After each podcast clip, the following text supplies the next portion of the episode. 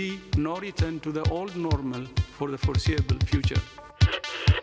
Der er ingen grund til at hamstre hverken eller toiletpapir.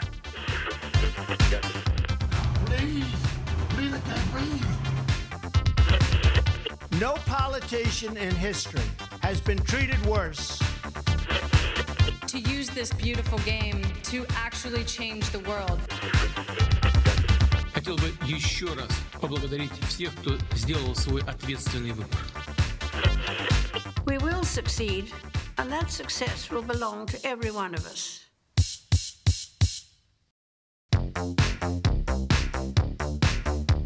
Góðan dag, kæra hlustendur, þeir að hlusta á heimskviður. Ég heiti Guðmundur Björn Þorbjörnsson. Og ég heiti Birta Björnsdóttir. Í heimskviðum er fjallað um það sem gerist ekki á Íslandi.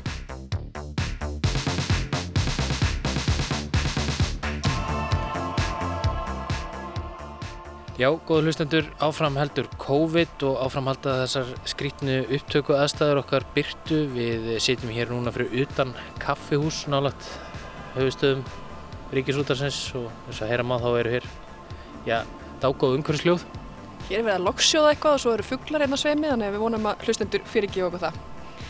Það er ennþá sama ástandið í eftirleitinu eins og viðar samfélaginu, skipt sótóndarsvæði og ekki mikið um samgang, þannig að hér sitjum við með tvo metrar millakar og reynum að búa til út af þátt. Og þó séu þetta yfir mörga kvarta, þá er hægt að halda upp á margt, til dæmis þá staðrind að þetta er 50. þátturinn af heimskviði. Hvað veistur um það komið til byrjun? Já, mér finnst það eiginlega bara alveg magnað. Við höfum ekki mist út þátt síðan heimskauður hófu göngu sína í ágúst á síðasta ári. Það hefur alltaf verið þáttur í hverri viku. Ég er frá að tala í jólafrí og, og sumafrí, þannig að þetta, ég hef ekki bara sett þessi vel að sér vikið. Jú, ég held það bara. Við höfum farið um víðan völl og eða reynd það allavega að ferðast út um allan heim. Kórnuveru faraldurinn hefur auðvitað haft áhrif á efnistök í þættinum eins og annað en hérna, við höfum reynd líka að koma víðar við og reyna að láta kórnuveru faraldurinn ekki stýra öllu. Já, við reyndum að taka þetta fyrir í voru eins og við kannski heyriðu að við vorum að reyna að fjalla um eitthvað annað en svo var þetta bara svo rosalega dominerandi og þetta fór að hafa áhrif á því hvernig við tókum upp þáttinn og gerir ennþá. En í heimskuðum í dag höldum við meðal annars til Japan, þar sem að Dagný Hulda Erlendsdóttir ætlar að ræða við okkur um já, áhugavert fyrirbæri sem uh, týðkast þar menningalegt fyrirbæri sem snýra því einfallega að fólk lætur sig hverfa. Dagný segir okkur betur frá þessu og eftir og svo fyrir við til Indlands. Birta, þú ætlar að fjalla um mótmæli á Indlandi, um hvað snúast þessi mótmæli? Þetta eru mótmæli sem hafa verið í gangi undanfærin mánuðin uh, og þau snúast um aðgerðið aðgerðarleysi stjórnvalda og lögjæsluvalda ekki síst uh, vegna tveggja hópnauðgana sem hafa orðið þar í landi já, þessi undanfærin mánuðin. Við viljum að segja þess frá þessum tveimur konum sem að lendu í þessu, mönnunum sem að beittu á róbeldinu og hvernig samfélagið hefur brúðist við. Emitt, en í dag ætlum við í þessum 50. þætti að kynna til leiks nýjan leismann heimskuða eins og við lofuðum í síðasta þætti og er nokkuð að býðast þér í þeim efnum? Nei, það held ég ekki. Í síðustu viku kynntum við til leiks Jóhannes Ólásson og nú er það annar samstagsmaður okkar, eða samstagskona sem mæti til leiks. Já, það er hún Þórun Elisabeth Bóadóttir. Þau Þórun Elisabeth og Jóhannes ætla nú að bjóða upp á pistla í heimskviðum til skiptis í vetur. Þórun Elisabeth, hún ætlar að byrja og það í bandaríkjunum. Byrta um hvað fjallar hennar pistill.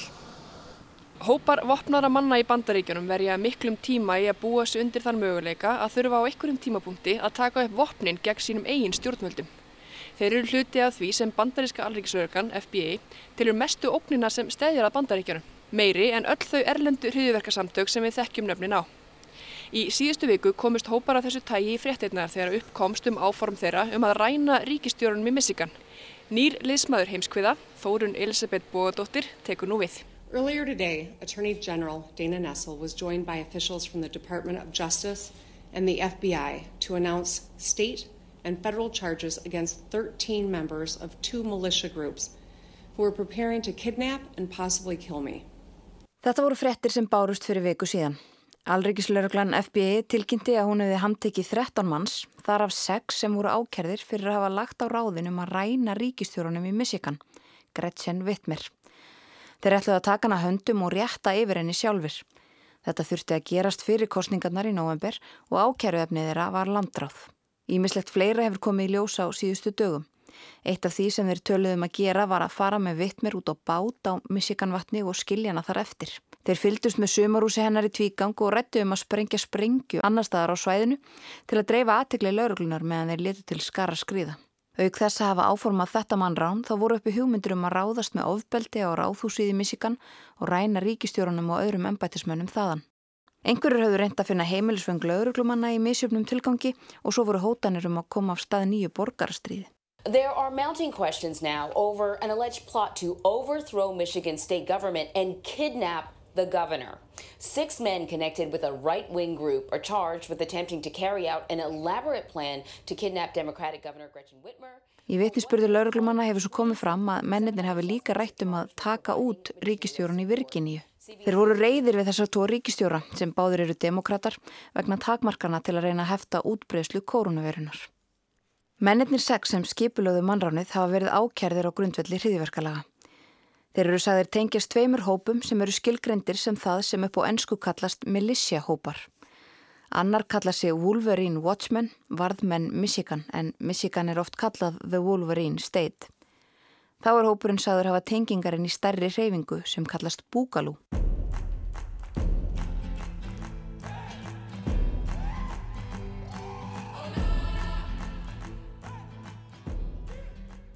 En áður en lengra er haldið skulum við kafa hans ofan í það hvað þetta fyrirbæri Melissa er.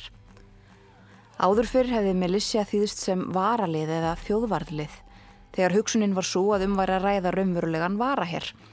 Karlar sem ekki væri hluti af hinnum formlega herr en hægt væri að kalla til starfa ef þörf væri á. Í dag eru svo til arftakar þessa fyrirbæris. Þau kallast þjóðvarðlið, National Guard og eru til í hverju ríki bandaríkjana.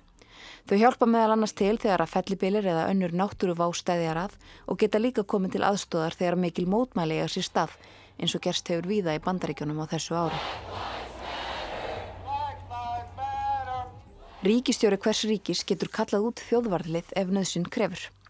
En þessir hópar sem kalla sig Melissa í dag eru ekki af þessum toga. Þetta eru hópar sem starfa ekki með stjórnvöldum, heldur þvert á móti. Flestir eru mótfallnir stjórnvöldum og eru reyðubúnir að berjast gegn þeim. Það er því næri lægi að tala um uppreysnalið eða bara vopnaða hópa. Þessir hópar eru bara einn ángi af því sem FBI, Alríkislauröglan, hefur skilgreint sem innlend eða innanríkis hriðjverkasamtök. Yðurlega eru þessir uppreysnarliðs hópar ólíkir hinnum að því leiti að þeir líka eftir hér skipulagi. Þetta eru hópar fólk sem hittist og heldur sínar eigin hér og bissuæfingar og ímislegt fleira.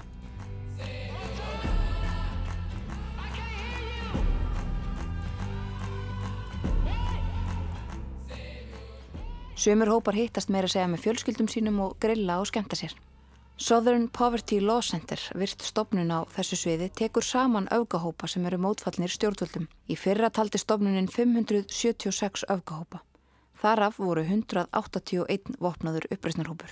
The core organizing principle of a lot of the people who are joining this militia movement is that they want to overthrow the existing political order. Við heyrðum þarna í Cassie Miller sem starfar hjá stopnuninni í viðtali við MBC. Hreyfingu opnar að hópa af þessu tægi er sem sagt sundurleit en næstum allir tilhera því sem kallað er Patriot Movement, föðurlands hreyfingin. Meðlemið þar eru heilt á litið fullir eversamta um og gramir úti í bandarísk stjórnvöld. Það er kannski það eina sem þessir hópar eiga algjörlega sameinlegt. Þeir eru, sem fyrir segir, mótfallnir stjórnvöldum, alryggis stjórnvöldum og þeir eru reyðubúnir að verja borgarna fyrir allræðist tilbúðum. Þetta var Brandon Caserta, einn hinn ákjærðu í Michigan. Hann tjáði sig talsvert á samfélagsmiðlum um skoðanir sínar.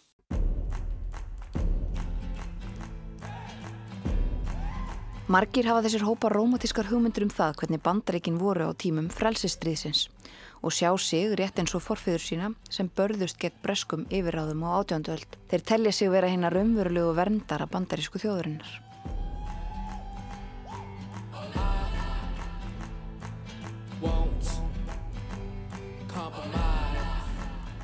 Annar viðauki stjórnarskrárinar, rétturinn til þess að bera vopn, er annað kunnulegt stef. Þann rétt vilja margir hópan að vernda sama hvað. Og það sem meira er, þeir eru samfærður um að í gangi sé einhvers konar samsari um að svifta þá þessum rétti. En það er margt fleira sem finna má undir þessari reglíf. Tregða við að borga skatta, andstaða við innflytjendur, reyn kynþáttahyggja og kvennhattur eru þarna á meðal. Stærstu hluti þeirra sem teljast til þessara hreyfingar eru kvítir kallar. Og talandi um samsæri, þá er þetta með bussurnar alls ekki eina samsæriskenningin sem fólk innan þessara hópa aðhellist. Einn helsta kenningin samkvæmt Alrikis lauruglunni hefur verið svo að saminuðu þjóðunar geti notað hernaðarmátt sinn hvar sem er í heiminum. Það sé því óumflíjanlegt að þær ráðist inn í bandaríkin. Þessir hópar óttast nýja heimskipan þar sem þeirra gildum er ógnuð. Svo samsæriskenning hefur verið ansi lífseg á Vesturlöndum og reyndar víðar um heim á undarföldnum árum áratugum og alveg sérstaklega í bandaríkjunum á meðal svona uh, kristina, kvítra, uh, yfirburða uh, hópa sem að hafa nú reyðrað um sig mjög viða í, í bandaríkjunum, einhvers konar hugmyndum að um, íll öll í veröldinni ætli sér að koma á einhvers konar annari heimskipan, allræðis kerfi Uh, þar sem að um, kristnir bandaríkjumenn myndu verða uh, offsóttir. Þetta var Eirikur Bergmann, professor í stjórnmálafræði við Háskólan og Bifröst. Hann segir að í bandaríkjunum standi spjótin aðalega á demokrátum og þeim sem þessir hópar telja elítinu.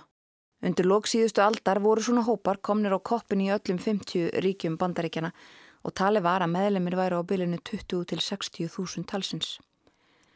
Fjöldin náði fyrra hámarki sínu árið 1996, skömmu eftir að Timothy McVeigh sprengdi upp allreikisbyggingu í Oklahoma og myrti 168 manns.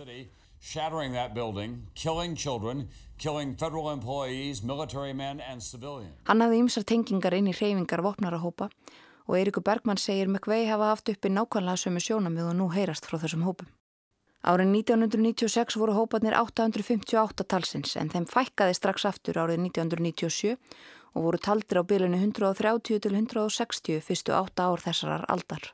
Eftir að Barack Obama varð fósiti bandaríkjana markfölduðust þeir og náði hámarki árið 2012 þá voru taldir 1360 öfgahópar sem voru mótfallnir stjórnvöldum.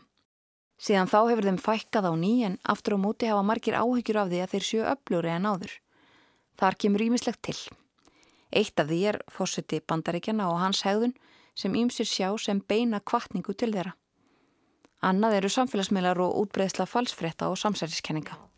The militias that we're talking about, like the, the ones um, in this story about the attempted kidnapping of Governor Whitmer, are part of a social movement that has been active in our nation for several decades. Um, and it's part of a longer history Þetta var Kathleen Bellow, lektor í sögu við háskólinni Chicago. Hér er hún í viðtali við NPR á dögunum með um málið í Michigan.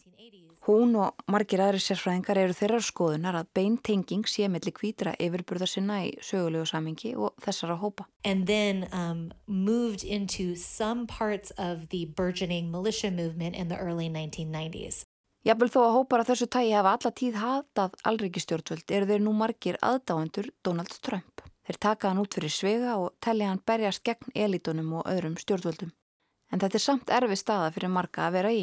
Og það uh, vakti til dæmis aðtikli að þegar hann náði kjöri 2016 að þá voru margir úr um, uh, hópum svona kynþáttahyggju uh, manna í bandaríkjónum hvítra yfirburða sinna sem að heldu því framstatt og stöðut að hann hefði orðið fórseti fyrir þeirra tilstöðla að þeir hefðu komið honum í stól uh, forsetta. Það eru þetta langt frá sanni en þeir litu eiga síður uh, svo á að hann væri rauninni þeirra leittói.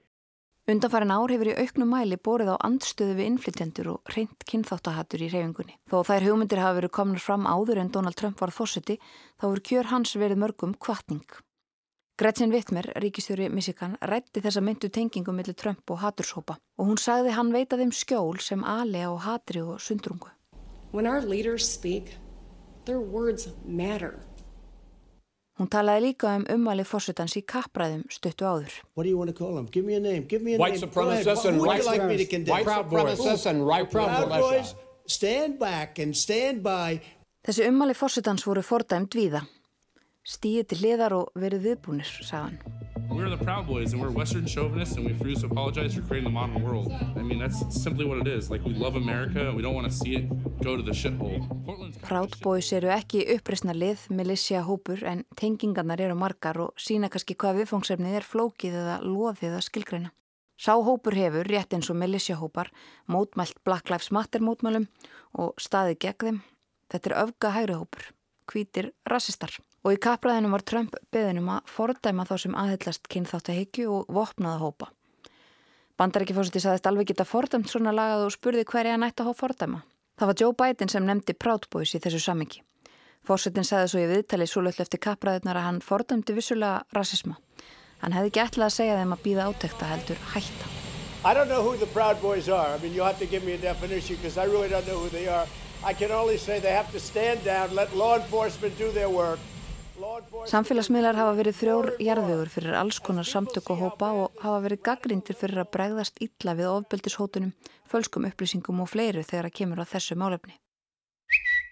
Facebook, Instagram, Twitter og YouTube hafa nú bannað stoltu strákana en það reynist erfitt. I first became involved in it or I guess more aware of it um, through social media, through Facebook. Sömulegðis hefur verið reynd að koma böndum og búka lúr hreyfinguna á samfélagsmiðlum sem minnst var á hér í byrjun. Svo hreyfing er talin með þeim hættulegri. Þar séu menn sem vilji beinlinni stopna til borgarastyrjaldar í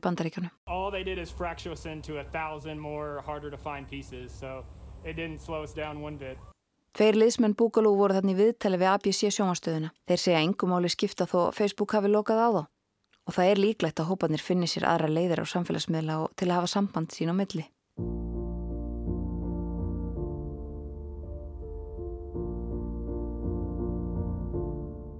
Aftur að mönnunum í Michigan.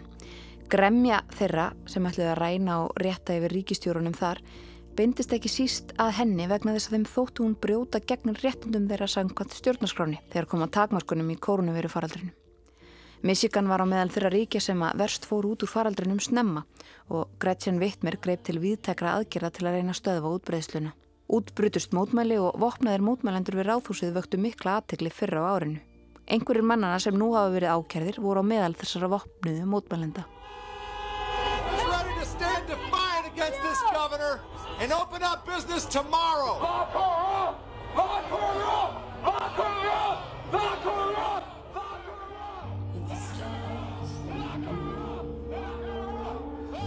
Þetta er kunnulegt stef víða. Þessum mönnum finnst að brjóta gegn réttundum þeirra að fyrirtækjum þeirra sé lokað, að hömlur séu settar á ferðir þeirra og að þeim sé gert eða uppálagt að ganga með grímur. Og það er ekki bara kórnuveran sem hefur gefið tilöfni til mótmæla, heldur líka hitt stóramálið í bandaríkjunum á þessu kostninga ári. The situation here in Santa Monica, California is very fluid. You can see police here now firing tear gas into the crowd. They are trying to push these folks back. Það eru mótmælinn sem brutust úti í kjálfar þess að lauruglumenn urðu George Floyd að bana í mæja á þessu ári og óerðirnar sem sumstaðar fylgdu í kjálfarið.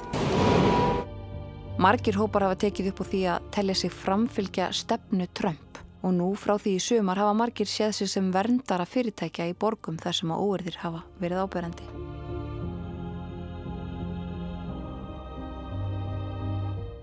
Áðan var minnst á Timothy McVeigh sem framti árið 1995 það hriðjverk sem enn er hið mannskeiðasta framið af innlendum hriðjverkamanni í bandaríkjónum. McVeigh var ekki bara með tengingarinn í vopnaðan hóp hægri öfgamanna, hann var líka fyrverandi hermaður. Merkið er um það að undarfæra nár hafi fyrverandi hermenn í auknum mæli gengið til liðs við hópa þessu tægi. Hermennum fylgir bæði mikil þekkinga á skipulagi og hernaði en líka vopnum. Þetta eru eftirsóttir liðsmenn. Í sögulegu samengi hafa hópar eins og þessi sem við ræðum um í dag orðið öflugri í kjálfar stríðsátaka og það geti skýrt að hluta þá fjölgun sem varð um það leiti sem að Obama varð fórseti. Sjö árum eða svo eftir að forveri hans í starfi lísti yfir stríði gegn hriðjuverkum og riðastinn í Afganistan. Árið 2009 var gefið út mat bandarískra stjórnvalda á endurkomum hermana úr stríði og vakin aðtekli á þeirri hættu sem geti stafað af þeim sem ættu erfitt með að aðlagast venjulegu lífi á ný. Þeir getu farið að umgangast hriðiverkahópa eða aðra öfgamenn sem gætu framið ofbeldisbrott. Í bandaríkjónum eru um 20 miljónir fyrfirandi hermana og einungi slítið brot gengur til liðs við þessa hópa. En enga síður er talið að fjóruðungur allra sem taka þátt í uppreysnalið starfi síu fyrfirandi hermenn. Margt af því sem þessir hópar stunda er ólöglegt. Það er víðast hvar bannað að skipulegja að vopna starfi eða áforma að steipa stjórnvöldum. En eins og Alrikislauruglan hefur sjálf sagt, þá er það ekki ólöglegt eitt og sér að vera á móti stjórnvöldum og dreifa slíkum boðskap. Það er þegar reyndir að koma þessum boðskap á framfæri eða í framkvæmt með valdi eða ofbeldi sem þetta verður ólöglegt. Einhverju sérfræðingar vilja reyndar meina að það sé ekki endilega svo öfgakent skoðin lengur að vera á móti stjórnvöldum. Samkvæmt rannsóknum treysta bara 17% bandaríkjaman að því að stjórnvöldi í Washington taki réttar ákvarðanir oftast. Þetta hlutfall hefur snar minkað undarfarna áratögi. Handtökur mannana í Michigan í síðustu viku vöktu enn meiri aðtegli á þeirri gríðarlegu pólitísku spennu sem ríkir í bandaríkjunum nú þegar kostningarnar nálgast óðfluga. Hvað gerist þegar talið hefur verið upp á kossunum? Þessir hópar gætu litið á sífælt tal fórsetans um kostningasvindl sem ákallum að fylgjast með kjörstöðum og mæta vopnaðir. Sumir sérfræðingar í bandaríkjunum eru svo hrættur um að þeir kom ekki til með að sætta sig við það ef að Joe Biden stendur uppi sem fórseti eða úslitin verða óljós. Þá, segja þeir, gæti voðin verið vís. Eh, það má líka sjá að eh, þessir hópar hafa verið að færa sig upp á skaftið núna undarförnu og auðvitað er ekkert alveg útlokað að þeir muni láta til sín taka með einhverjum hætti ef að úslitt kostningana uh, verða þannig að deila megið um þær og þeir telli sér þá hafa einhvers konar uh, hlutverki að gegna en Þetta er algjörlega útiloka á þessari stundu á spáninu fyrir um það.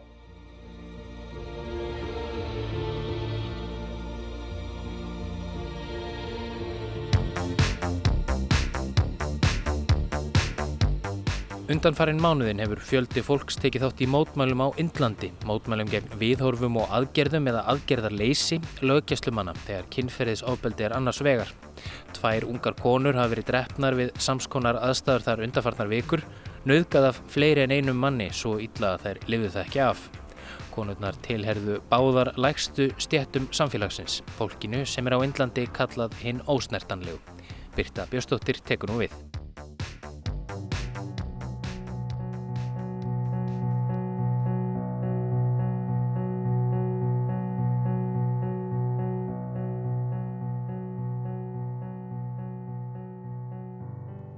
Þeir eru fimm, lauruglumennir sem hefur verið vikið frá störfum fyrir það hvernig þeir tóku á máli ungrar konu sem var nöðgað af hópi manna um miðjan september.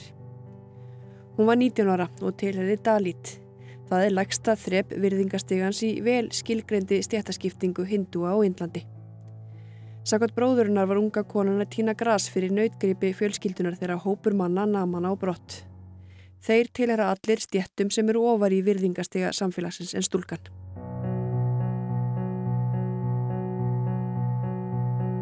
Stúlkan er ekki til frásagan um hvað gerðist næst. Þegar hún fannst var tungan í henni skorinn, auk þess sem hún var hryggbrotinn. Bróður stúlkunar sagði það vegna þess að mennir hefði bundið reypi um hálsennar og dreigið hana um. Henni hefði sömu leiðis verið nöðgað. Hún var flutt á sjúkrahúsi út af Prates en var síðar flutt til nýju deli. Þar lést hún á sjúkrahúsi. Þetta var í síðasta mánuði. Mennir títt nefndu. Þeir voru ekki handteknir fyrir nokkrum dögum eftir að stúlkan fannst. Bróðurinnar segir það engöngu hafa gerst vegna sí endur tekina aðtuga semta fjölskyldu hennar og vina við lagana verði.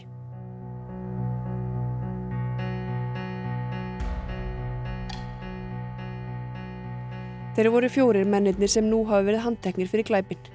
Þeir tilera allir stjettum talsvert ofar í virðingasteganum en stúlkan sem lést. Lítið hefur annars verið gefið út ofinberlegu mennina fjóra. Þrátt verið það sem þeir gerðu er það lögreglan sem er í kastljósi gaggrinnenda og það fyrir margra hluta sækir. Yfirmaður úr þeirra röðum sagði alls ekki víst að stúlkunni hafi verið nauðgað. Það stangast á við vittnisspurð móðurinnar og á við sjúkragögn spítalans. Það væri mögulega hægt að ganga úr skugga um það ef lauraglan hefði ekki tekið sér til og brent lík stúlkunar í skjólu nætur. Svo aðtöfn var engöngu að frumkvæði lauraglunar og þvert á vilja ættingi hennar og alls ekki andað þeirra trúabræða sem stúlkan aðhildist. Og sem fyrir segir eru þeir nú fimm lauruglumennir sem hafa þurft að taka bókan sinn eftir að umfjöldunum handiríku þeirra á þessu máli komst í hámæli.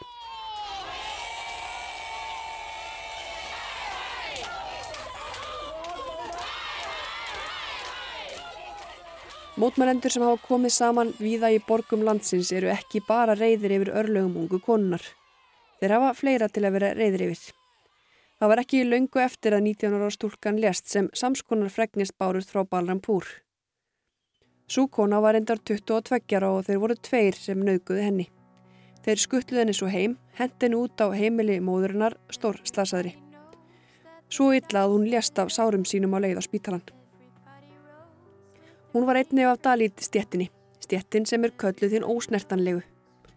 Sem virðast reyndar ekki svo ósnertanlega að ekki sé hægt að beita þau sem henni tilhera kynferðsóbeldi.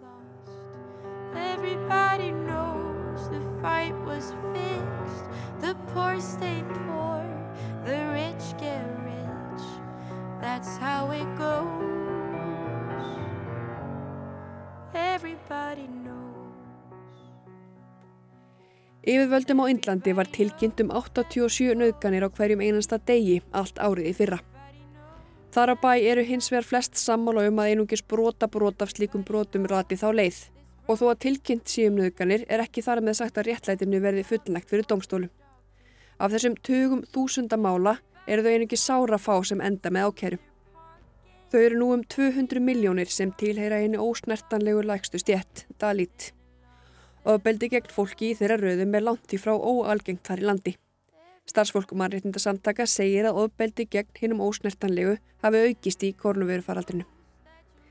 Réttlætinu er fullnægt í einhverjum málum segja sumir og benda þá máli sínu til stuðnings að fyrir á þessu ári voru fjórir menn hengdir fyrir hópnauðguna ungri konu í strætisvagni í nýju deli árið 2012. Þeir voru teknin af lífi í mars, fyrstu döðarefsingarnar á Indlandi í fimm ár. Þeir voru reyndar sex sem voru dæmdir fyrir árásina. Eitt er að fannst látin í fangaklefa sínum ári síðar. Annar var 17 ára þegar árásin átti sér stað og var því sleft eftir 30 ára fangilsisvist. Örlög þeirra stúlku náðu heimsatikli. Nafn hennar var aldrei gert ofinbert. Hún var kölluð Nýrbæja, hinn óttalösa, í fjölmiðlum. Hún stegum borði strætisvagna kvöldi 16. desember árið 2012 með vini sínu. Í vagninum voru fyrir mennirni sex. Þeir réðust á Nýrbæju, nöðguð henni til skiptis og nótuðu meðal hann stáltegin til verksins. Vinn hennar börðu þeir sömu leiðis og skilduðu bæði eftir út í vegakanti. Máli vakti sem fyrir segir heimsatikli og hart var lagt að stjórnvöldum á Indlandi að skýra upp herur gegn svo hróttalegu óbeldi gegn konum. Nýrbæja lést af sárum sínum á sjúkrahúsi tveimur vikum eftir nöðgununa.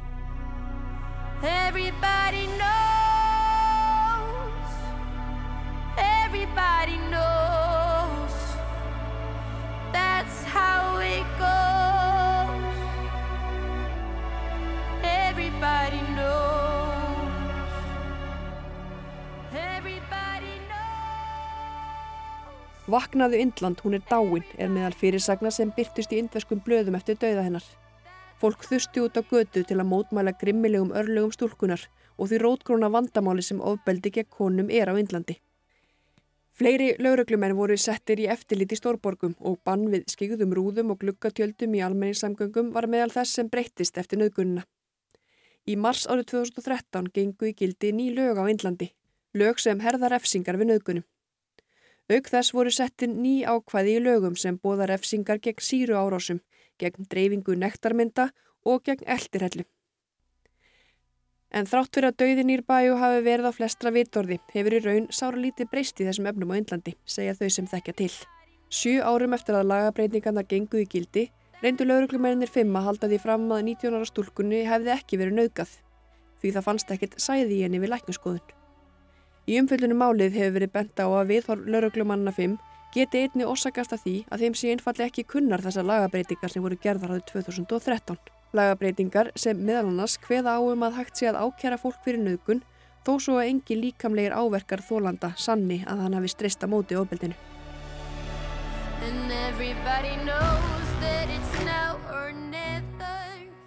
Fórsættisráðar Einlands, Narenda Móti, hefur kallað eftir réttlæti fyrir stúlkunar tvær sem létust eftir hópnöðgani nú í haust. Þeir sem eru grunaður um verknæðin hafa allir verið ákjærðir. Á meðan einhverjir segja að harðari refsingar sem tækju gildi fyrr hefðu meiri fælingamátt fyrir brotamenn, segja aðrir að erfitt sé að sportna við kynbundu ofbeldi á meðan viðhorf til hvenna breytist ekki í samfélaginu. Það á ekki síst við viðhorf til hvennana í Dalít, þeirra í lægstu stjettum samfélagsins. Það eru þessar ósnertanlegu.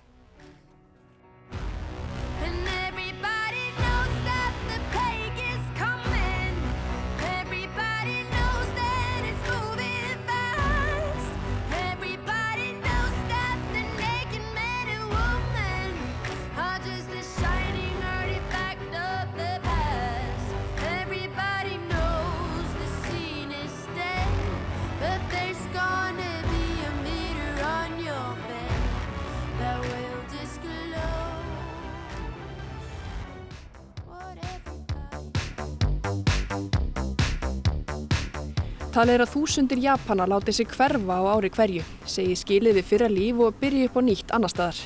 Stundum er þetta leið hvenna út á ofbeldisamböndum og stundum telur fólk af ýmsum ástæðum betra að það fari að eilífu frekar en að kalla einhvers konar skömm yfir fjölskyldu sína. Stopnuð hafa verið svo kvöldur nætur flutningafyrirtæki þar sem fólk getur fengið aðstóð við að hverfa sporlust yfir nótt. Dagni Hulda Erlendsdóttir tekur nú við.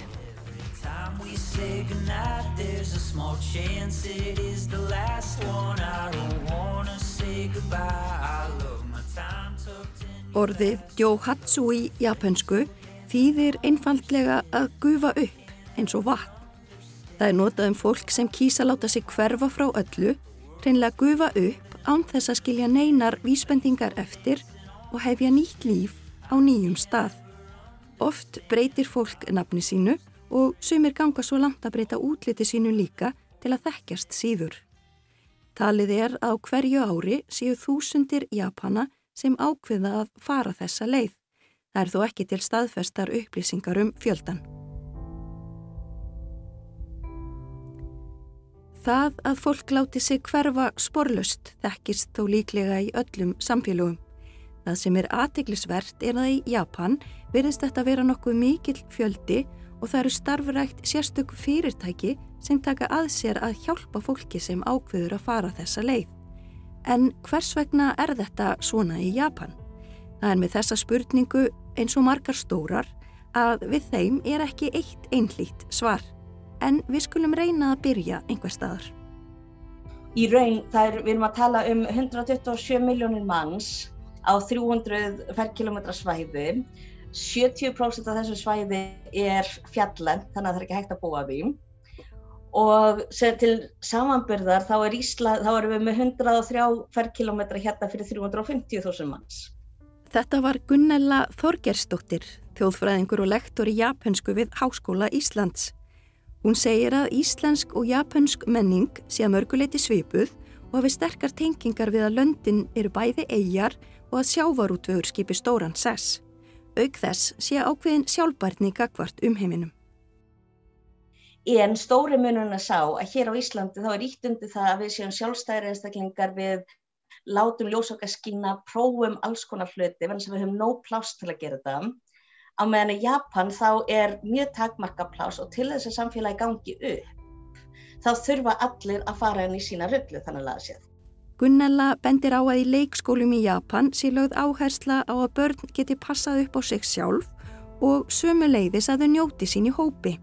Í grunnskólum sé algengt að borðum sé raðað upp í eigjur og á hverri eigju séu bæði sterkir námsmenn og þau sem eiga ekki eins auðvelt með námsefnið.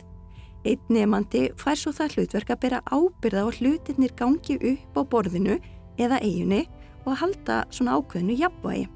Fólk ber því ekki aðeins ábyrða á sjálfum sér, heldur líka á hóknum sínum. Við getum því sagt að velgengni eða andstæða hennar sé því ekki aðeins engamál hvers og eins, heldur varði alla hildina.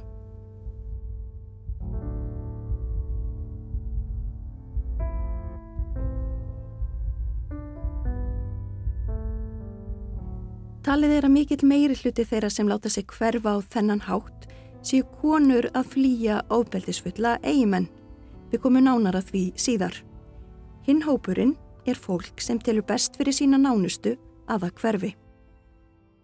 Vegna þess að þau hafa gert eitthvað sem myndi færa skömm á fjölskylduna, færa skömm á kósikið, til dæmis um, að lenda í skuldum, lenda í vandræði, missa vinnuna, það er al, alls konar svo, svona sem að hérna er innan svona samfélags þar sem að allt er skipulagt og allir eiga að vinna sinn hluta getur skipt sköpun þannig að þá er upplifir fólk að það sé almennilegra gagvart fjölskyldumæðlumum og gagvart vinnum og gagvart öllum að láta sér bara hverfa og þá get aðrir haldir áfram lífið án þess að þeirra skömm falli á þau.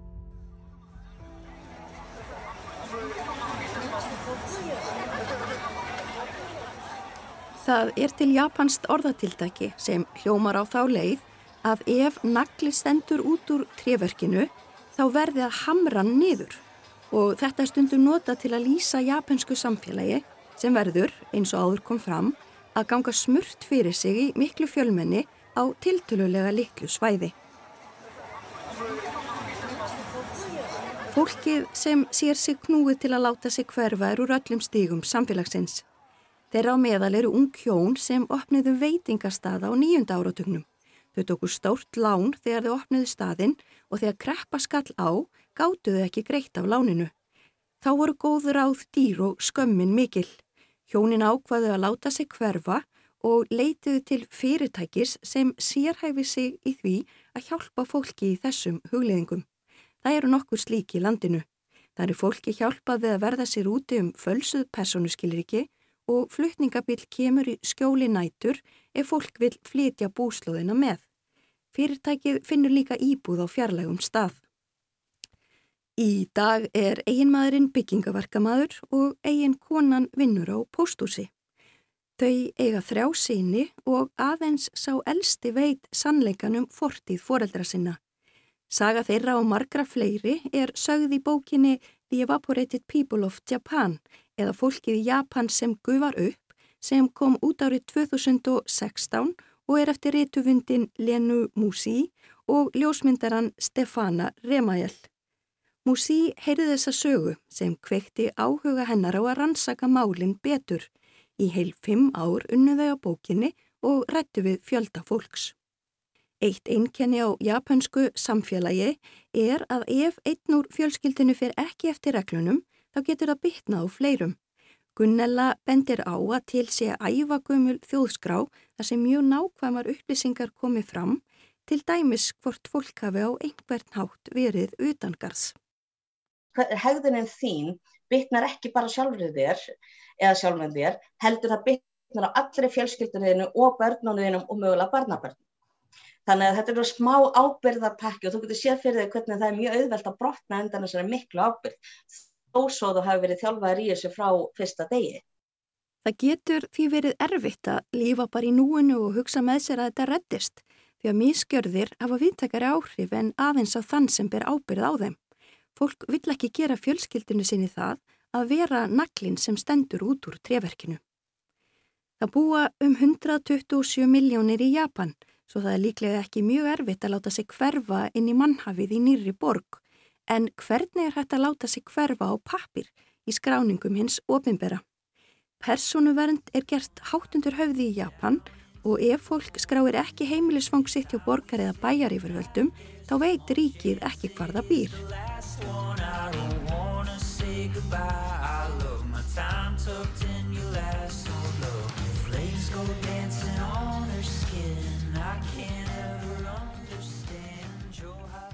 Þegar fólk ákveður að láta sig hverfa sitja ástvinnir eftir með ótal spurningar og vita ekki hvort viðkomandi er lífseða liðin. Sumir ástvinnir leita til lögreglunar en ef það eru ekki neinar vísbendingar um sjálfsvíg eða glæp þá aðhefst lögreglan ekkert og fólk vær ekki að sjá hvort það eru nýlegar fæslur á bankareikningnum, ekki einu sinni maki. Fullorði fólk hefur fullan rétt á því að láta sig hverfa án þess að upplýsingar um það séu afhjúpaðar. En hvar býr fólk sem er hverki skráð? Það eru tvö hverfi, eitt í höfuborginni Tókjó og annað í Ósaka þar sem hagkerfið er neðanjarðar. Fólk getur fengið vinnu og greitt í sæðlum og engra spurninga er spurt. En þetta eru lágstétta hverfið oftar, oftar en ekki sem er undir stjórn Jakusa, undir hérna, stjórn krimma umhverfisins vegna þess að þar, þar er hægt að fá vinna og þar er hægt að blómstra án þess að vera með, innan kerfisins. Annars spýr fólk bara á venjulegum stöðum en það er ekki létt að vera utan kerfisins. Það er því ekki ljúft og betra lífendilega sem fólk leitast eftir með því að láta sig hverfa heldur vill að hlýfa fjölskyldunum við einhvers konar skömm. Nú í sumar var Karlmaður um áttrætt sem ákvaða láta sig hverfa. Hann bjó með eiginkonu sinni í íbúð fyrir eldriborgara. Sambandið var ekki eins og bestverður ákosið og hann var yfirleitt úti einhver staðar á daginn. Hann kom þó alltaf heimundur kvöld. Dag einn skilaði hann sér ekki heim. Í Japan eru starfandi engaspæjarar sem takaði að sér að leita fólki sem lætu sig hverfa. Eiginkona mannsins réð einn slíkan Hútó Katsunori og er honum fyllt eftir í nýlegum hlaðvarpsþætti á VF Breska Ríkisútvarpsins BBC.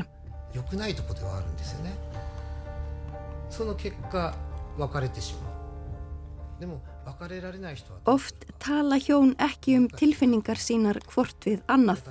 Það er annmarki á japanskri menningu, segir hann. Oft skýlur fólk, en hvað gerir fólk sem getur það ekki? Það fer að heiman. Fólk getur ekki sagt maka sínum sannleikan. Það verður til þess að fólk verður djóhatsu eða það sem verra er, það sviftir sig lífi, segir Kuto við Breska ríkisútorpið. Skrifstofan hans er í borginni Yokohama og síðasta aldarfjörðungin hefur hann sérhæft sig að leita týndu fólki. Þegar gamli maðurinn hafði verið týndur í nokkra daga fannst bakbókin hans á veitingastað og var komið til lauruklunar. Vegna persónuvendarlaga fengu kvorki konan hans nýju engaspæjarinn að vita á hvaða veitingastað þetta var.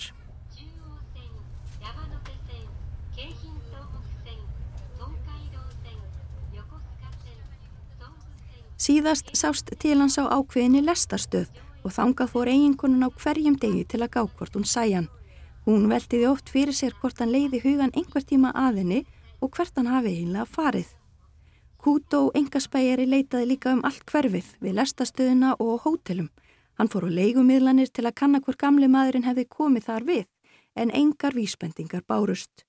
Fyrir þremur mánuðum síðar þá fekk hann símdal frá hóteli um að þar væri gamli maðurinn. Hann hvaðast ekki vilja koma aftur heim og Kútó var að færa eiginkoninni þær sorglegu fregnir.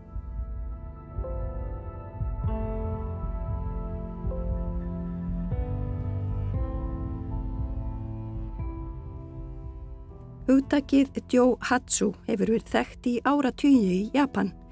Talið er að sjötta áratugnum hafi tilfællinum fjölgað mikill. Þá flyktust ungir karlar úr dreifbílinu í borgirnar og fenguð störf þar sem vinnumenningin var og er endar enn oft ómanneskileg. Fólk vinnur langa vinnudaga og kröfurnar eru miklar. Það er líka áliti vandamál í Japan að fólk hreinlega vinni yfir sig, lendi í alvarlegri kulnun og sjáu ekki aðra leið en að svifta sér lífi. Það er kallað karosi. Tíðinni sjálfsvíga í landinu var árið 2017 svo sjönda hæsta meðal OECD-ríkja 14,9 á hverja 100.000 íbúa. Sama ár var gerð könnun sem 10.000 manns tóku þátt í. Samkvæmt nýðustöðunum unnu um 20% fólks 8-10 yfirvinnutíma á mánuði, hið minsta. Yfirvöld hafa reynd að bregðast við og hvetja fyrirtæki til að leifa fólki til dæmis að vinna stittra á förstutugum. Sérfræðingar segja aftur á móti að vinnumenningin sé svo sterk að sumir sjáu ekki annað í stöðun en að svifta sér lífi. Hinn leiðin getur svo verið Djóhatsu að láta sig hverfa.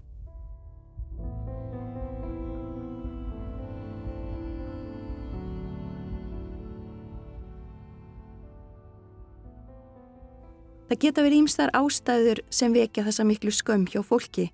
Stundum hefur ungt fólk fallið í mikilvægum prófum og getur ekki hugsa sér að segja fórildrunum frá. Svo eru dæmi um fólk sem er með spilafíkn, hefur komið sér í miklar skuldir, vill sleppa úr klóm sértrúasafnaða eða upplifur mikla skömm einhverja hluta vegna. Í bókinni sem ég sagði ykkur frá áðan er fjallað um Karlmann sem hafi haldið fram hjá konunni sinni en treysti sér ekki til að segja það. Einn daginn var hann um sagt upp í vinnunni. Hann taldi sig heldur ekki geta sagt henni það, hann skammaðist sín svo mikið. Fyrstu dagana fór hann út á hverju morgni, klætti sig í vinnufötin og lést vera að fara í vinnuna. Hann varði heilum dugunum og afvöknum stöðum, stundum í alltaf 19 klukkutíma því hann þóttist vera úti að fá sér drikk með vinnufélugunum eftir vinnu. Svo koma þeim útborguna degi þegar hann fekk engin laun, enda ekki að vinna. Þá ákvaðan að láta sig hverfa.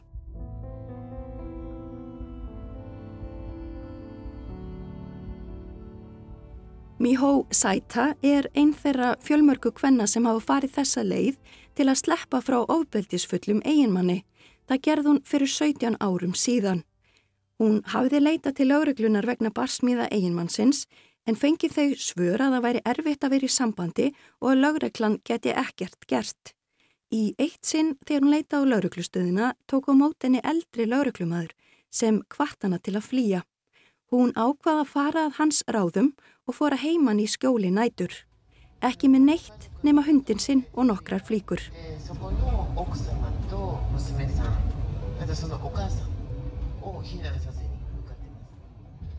Saita segir frá reynslu sinni í umfjöllun Aldja Sýra um Djó Hatsu. Síðan hún flýði á þennan hátt hefur hún unni við að aðstofa fólk í sömu sporum og hún var. Hún rekuð svo kallað Jónikja, næturflutningafyrirtæki sem tekur að sér að flytja fólk í skjóli nætur. Í heimildamind á vef Al Jazeera má fylgjast með henni hjálpa konu að flytja með börn sín og búslóð á morgni dags eftir að eigimadurinn var farin til vinnu.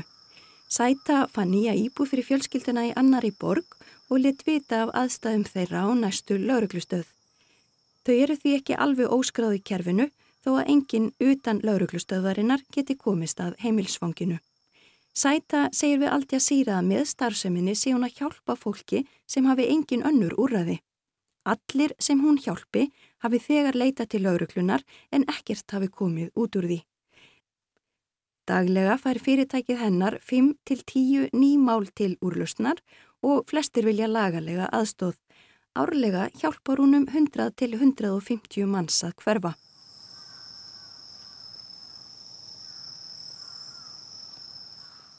Það getur verið snúið fyrir hjón að skilja í Japan. Eftir skilnað er barn aðeins skráð sem barn annars foreldrisins. Þá bendir Gunnela á að mjög algengt sé að mæður séu heima með börnum sínum þar til þau verði þryggjára og jafnvel þar til þau byrja í skóla. Það hefur þær afleðingar að konur eru síður útivinnandi, hafa því ekki sínar eigin tekjur og eignir eru skráðar á eiginmannin. Þá þurfum líka að skiptum ættarnafn við skilnað. Það er því algengt að fólk skilji innan hús eins og það er kallað. Þá er fólk tilfinningarlega skilið en býr áfram saman til að hafa allt rétt á pappirunum. Og þetta er mjög stert í japanskri menningu sem þýðir það þetta að kona sem að reyna að sleppa úr erfið, erfiðum aðstæðum án samþykkis er mjög illa stödd. Og þar, þá, þá er ákjósanlegra að flýja algjörlega og missa sinn status, missa tengslu fjölskyldu, missa bara alla sína stöðu heldur en að verða eftir. En hún er samt að taka ákvörðan fyrir hönd bæði sín og barnana og þetta aftur að bytna barnana. Þannig að þetta er stór ákvörðun. Gunnela segir að Johatsu og Karoshi, sjálfsvík sem rækin eru til kulnunar, séu töluvert í umræðinu í Japan. Það sama eigi við um rétt barna til að hitta báða foreldra sína eftir skilnað og aðrar félagslegar úrbætur.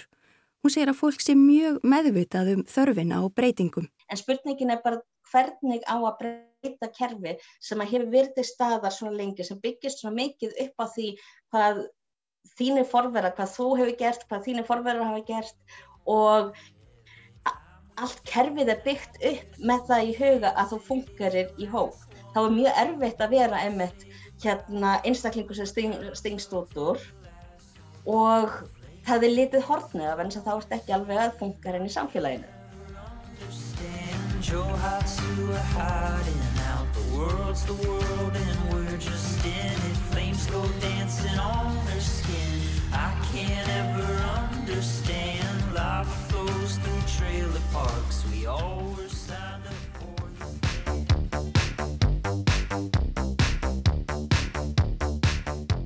Heimskviður verða ekki fleiri þessa vikuna. Það verða fleiri í næstu viku, þá kemur þáttur 51. Þá kemur þáttur 51 og það er spurning hvort við verum hérna úti á kaffehúsið undir húsvegg í efstaleitinu en allavega þanga til er hægt að hlusta á alla þættina á eh, spilaran á rúf.is og auðvitað á öllum helstu hlaðvarpsveitum En við þökkum þeim sem hlýtu. og heyrimst aftur í næstu viku.